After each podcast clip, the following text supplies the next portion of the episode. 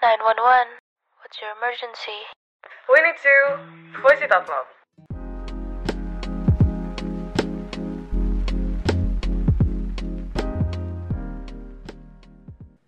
Hi Loaders, balik lagi ke podcast y'all with your host, aku Naila dan juga ada Felis. Nah, Hai. um, ah, episode kali ini gak kalah seru dan bermanfaat kayak episode sebelum-sebelumnya, ya gak sih Vel? Yap, bener banget. Kemarin tuh tentang percintaan. Nah, sekarang kita lompat sedikit jauh ke pendidikan. Hari ini tuh juga spesial loh guys. Karena ini tuh adalah episode pertama dari Special Voices. di mana para host akan mengundang tamu untuk diajak berbicara mengenai hal-hal yang berhubungan dengan topik yang juga pastinya berbeda-beda. Bener banget. Kalau gitu siapa sih guest pertama kita hari ini? Pasti udah pada kepo kan?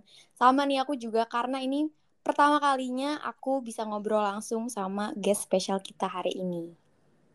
Guest kita kali ini tuh merupakan salah satu member Siol sendiri. Wow, gila-gila. Dan juga adalah head dari divisi content writer loh. Jago nulis tuh berarti ya. Bener-bener. Tak lupa juga kalau ia adalah seorang mahasiswi dari Univ Negeri alias PTN. Wah, Keren banget sih. Keren banget, Vel. Emang gak usah diraguin lagi lah kalau member Siol tuh semuanya keren-keren banget. Nah, karena tamu spesial kita hari ini merupakan head dari divisi content writer, jadi gak perlu bingung lagi kalau Siol selalu punya konten yang asik dan keren. Langsung aja kali ya, Vel? Yoi. Oke, langsung aja kita panggil Kak Tisha. Hai, Halo, Kak Soldiers. Tisha. Halo Kak. Apa kabar, Hai. Kak? I'm good. Hari ini aku baik banget nih. Kalian sendiri juga kan ya? Baik-baik aja. Iya dong. Pasti dong. Oh ya nih Kak. Oke. Kan katanya tak sayang maka eh tak kenal maka tak sayang ya. Hmm, bener-bener. Coba dong Kak introduce yourself to louders mulai dari nama, umur, hobi, di mana Kakak berkuliah, jurusannya dan kesibukan Kakak pada saat ini. Oke, Hi Louders, aku Tisha.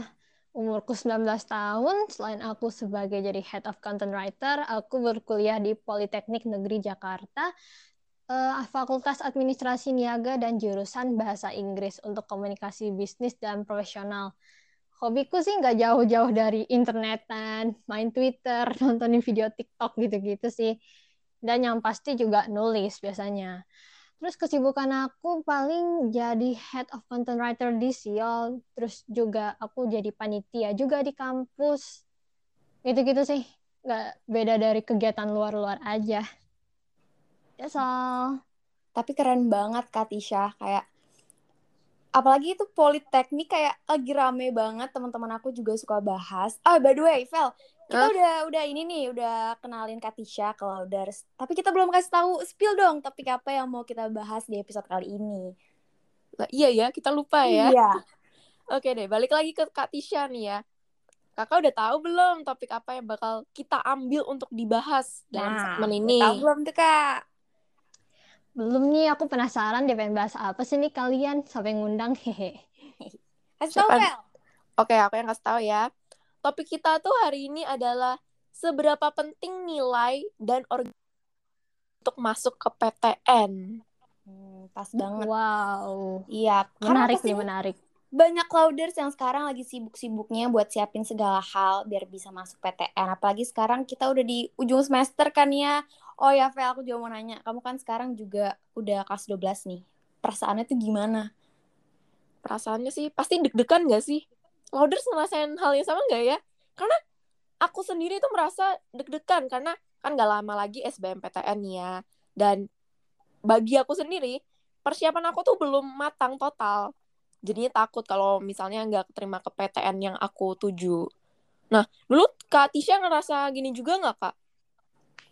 Wah, bener banget sih, Vel. Waktu aku kan dulu kan dua, eh, angkatan 20 ya, jadi aku waktu itu ikut dari 2019 juga kan mulai daftar-daftar les, terus ikut try out gitu. Pernah ada yang online, ada yang offline juga tuh. Waktu itu juga sempet down karena nilai try out-nya kok agak kurang ya. Padahal persiapan aku udah mateng, ikut kelas tambahan, terus juga belajar bareng sama yang lain. Sampai akhirnya aku decide buat terobos aja gitu semua jalur dari undangan. Kan kebetulan aku siswa Mm-mm. ilmu tapi nggak lolos. Terus aku UTBK SBMPTN terus akhirnya karena nggak lolos juga aku coba ambil mandiri di beberapa universitas juga. Sampai akhirnya aku diterima di Politeknik. Tapi selain dari em, SBMPTN itu sendiri ya aku juga sempat incar beasiswa keluar. Wah, keren Tapi- banget. Wah, terima sih tapi nggak apa-apa alhamdulillah aku dapat yang Politeknik sekarang itu udah happy banget Iya, iya, bener-bener. Nah, kan em, tadi kita bahas perjuangan, persiapan. Nah, kebetulan Kak Tisha ini eh, masuk jalur mandiri ya, Kak? betul Nah, aku mau tahu nih.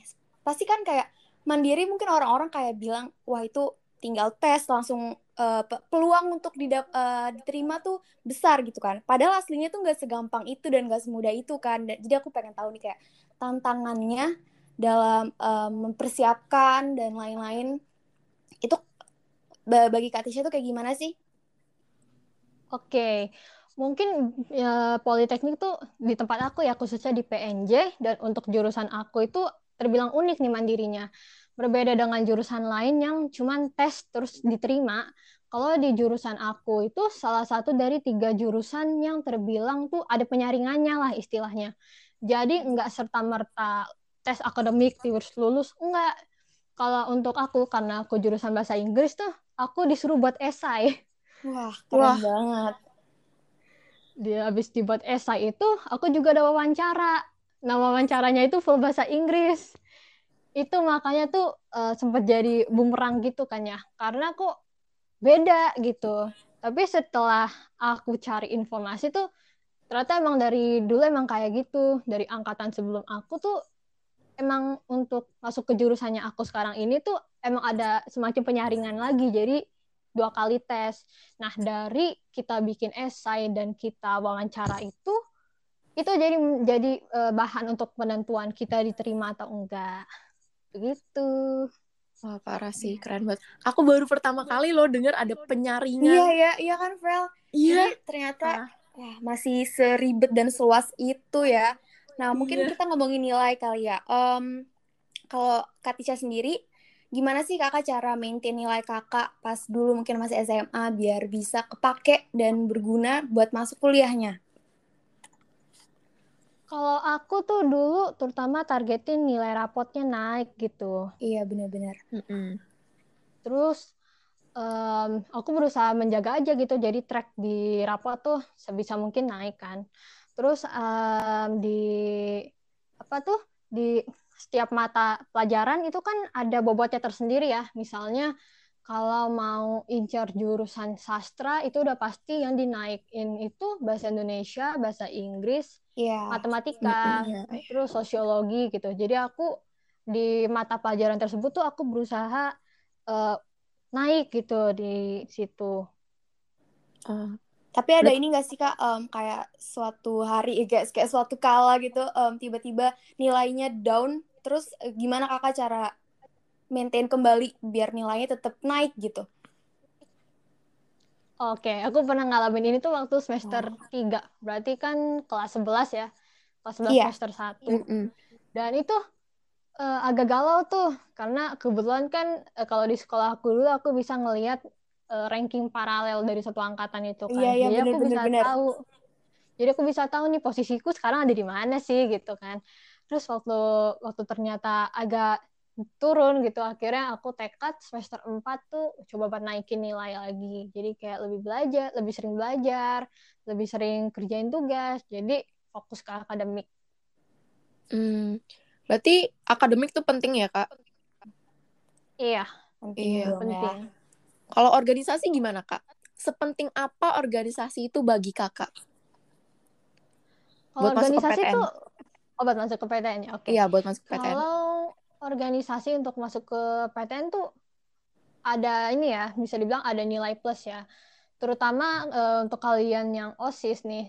Kan sekarang ada jalur masuk via ketua OSIS Iya, gitu. bener Jadi, banget. Iya, iya.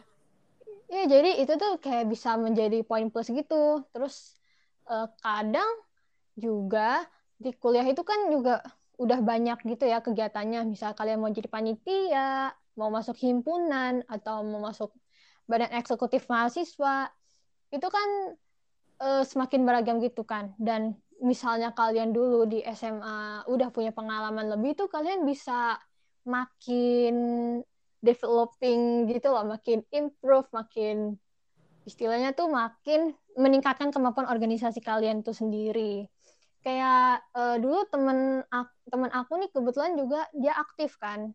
Dia anak organisasi terus dia juga ikut unit kegiatan mahasiswa. Jadi dia tuh uh, jadi di kampus aku tuh ada UKM yang lebih sering kayak podcast podcast gini gitu. Jadi ngurusin hmm. berita-berita acara gitu-gitu kan. Terus dia akhirnya ini dijabatnya sebagai koordinator acara. Karena hmm. dia emang punya pengalaman lebih itu. Jadi orang-orang tuh kenal sama dia tuh wah dia berbakat gitu dia dia jago public speaking dia jago jadi MC akhirnya karena dia bisa dia sering ditugasin sama kampus buat jadi MC MC di acara-acara kampus. Itu bisa jadi poin plus. Oh berarti kayak organisasi semacam siol gini juga penting ya kak? Betul. Itu Kalo... bisa buat taruh di CV CV gitu waktu kalian mau ngelamar organisasi. Iya benar benar yes. orang-orang tuh bisa lihat wih udah punya pengalaman lebih nih berarti kalau misalnya gue tempatin di sini udah bisa gitu hmm ya menambah peluang untuk keterima di organisasi pas kuliah ya Betul banget, Naila.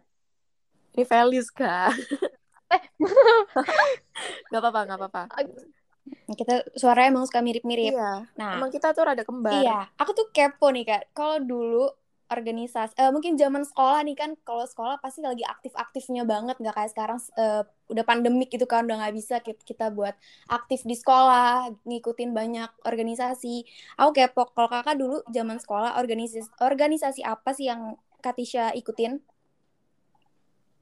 Aku dulu itu jujur nih aku dulu itu belum ikut organisasi sama sekali loh. Aku baru nyoba organisasi itu waktu kuliah Wow. Ada alasan sih kenapa aku uh, ikutnya tuh pas sekarang gitu kan pas kuliah. Itu karena dulu aku nggak bisa banget yang namanya time management. Jadi oh, kegiatan iya. aku tuh banyak kan terus akunya sering apa ya uh, bisa dibilang kayak burnout gitu loh. Terus stressin tugas sekolah terus akhirnya aku mutusin ya udah kalau misalnya di SMA nggak bisa organisasi nanti kuliah ikut deh. Makanya waktu pas kuliah ini nih aku dari semester satu deh kalau nggak salah udah mulai coba ke mana-mana gitu. Oh iya yes. Tugas sekolah aku juga mirip-mirip sama kayak Katisha. Dulu aku zaman SMP, orang lagi pada um, apa ya, rame banget buat ikutin organisasi kayak berlomba-lomba gitu. Tapi aku yang kayak chill maksudnya chill bukan yang chill nyantai nggak ada kerjaan ya kayak ya udah fokus aja sama PR kayak tugas sekolah atau yang lain-lain jadi nggak ikutin kayak mereka. Nah sekarang pas banget kayak uh, udah makin banyak organisasi-organisasi yang um, yang platformnya mungkin kayak di Instagram lebih ringan kali ya bukan kayak osis. Dan aku um, pakai itu buat jadi kesempatan sih. Iya bener aku juga baru join organisasi-organisasi pas aku kelas 11. Baru tahu soalnya. Iya. Nah, kalau sepengetahuan Kakak nih ya, kan nanti kalau kontrak di sebuah organisasi sudah berakhir, itu pasti bakalan dikasih sertifikat dong ya, Kak? Iya. Nah, biasanya ya. Oke, okay. biasanya uh, kadang kan suka kayak dikasih sertifikat sebagai bukti keanggotaan gitu kan. Itu mm -hmm. juga bisa uh, ditaruh semacam bukti fisik gitu loh di CV-CV gitu. Terus kalau misalnya mau mau daftar suatu beasiswa yang mungkin yang biasanya syaratnya minta semacam keaktifan di organisasi itu juga bisa menjadi penunjang. Oh, kalau buat masuk lewat jalur SNMPTN bisa nggak, Kak? Kalau menurut aku kurang ya. Karena SN kalau di zamannya aku tuh SNMPTN lebih berfokusnya kepada lomba-lomba misalnya oh, olimpiade iya, iya. Ah, iya, iya.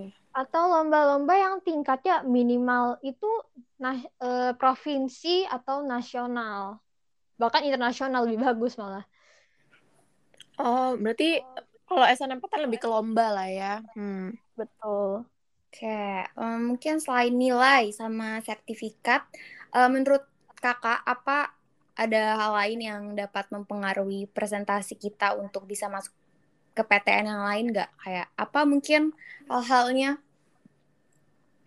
Oke. Kalau untuk masuk ke perguruan tinggi via undangan tuh yang pasti yang yang berpengaruh itu akreditasi sekolah ya. Karena Hmm. semakin baik akreditasi sekolah, misalnya ada dua sekolah, yang satu A akreditasinya dan yang satunya B. Otomatis biasanya lebih diprioritaskan yang akreditasi A karena kan sangat baik ya. Terus juga ini yang paling penting sih ini ya alumni. Jadi persebaran iya. alumni sekolah Mm, mm, dalam suatu perguruan tinggi negeri. Kalau misalnya kamu ada alumni di jurusan yang kamu pengen dan alumni itu juga diterima di SNMPTN atau jalur undangan, itu kalian udah bisa dibilang tuh dapat golden ticket lah buat masuk ke yang sama itu. Oh iya sih. Bener. Mm.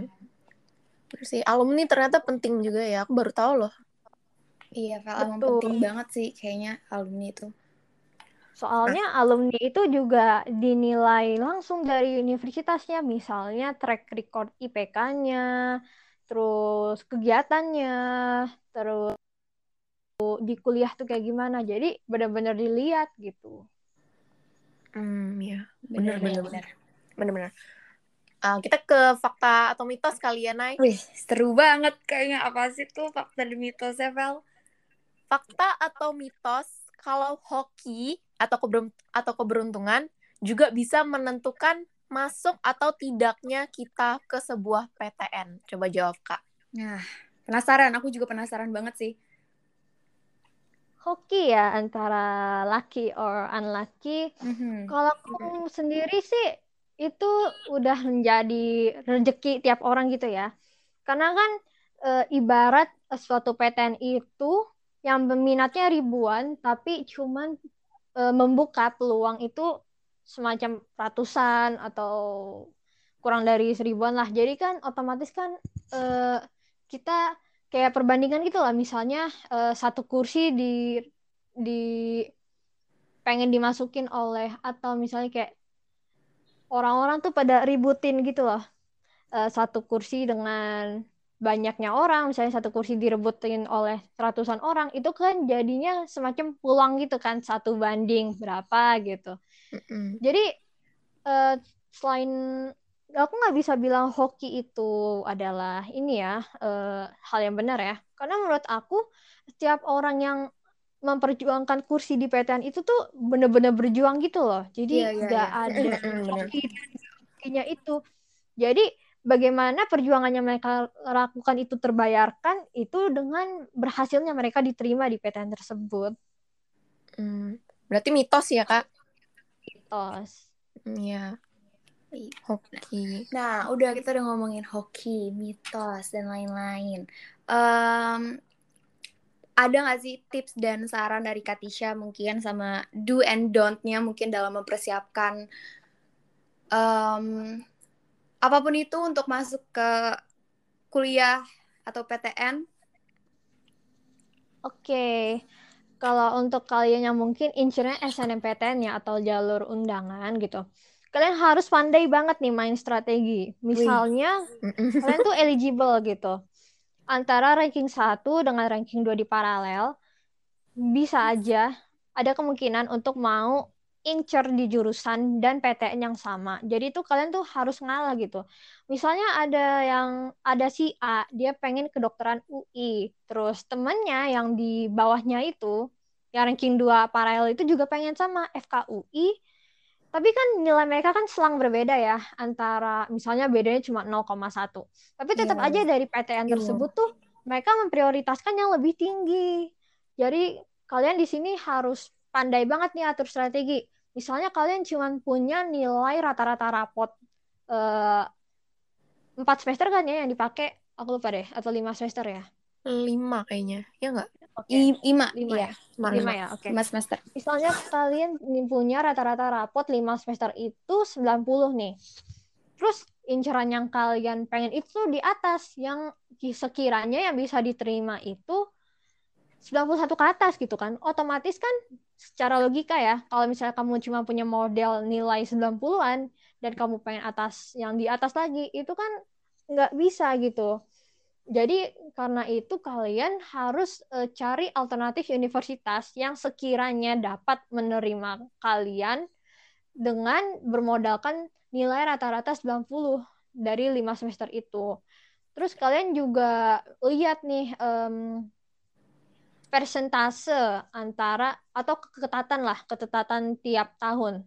Misalnya dulu kan aku uh, kebetulan guru BK aku suka uh, ngajarin gitu. Waktu awal-awal SNMPTN tuh kita bisa lihat uh, di webnya LTMPT kalau nggak salah itu ada namanya kita bisa cek ke ketetatan gitu ke ah gitu.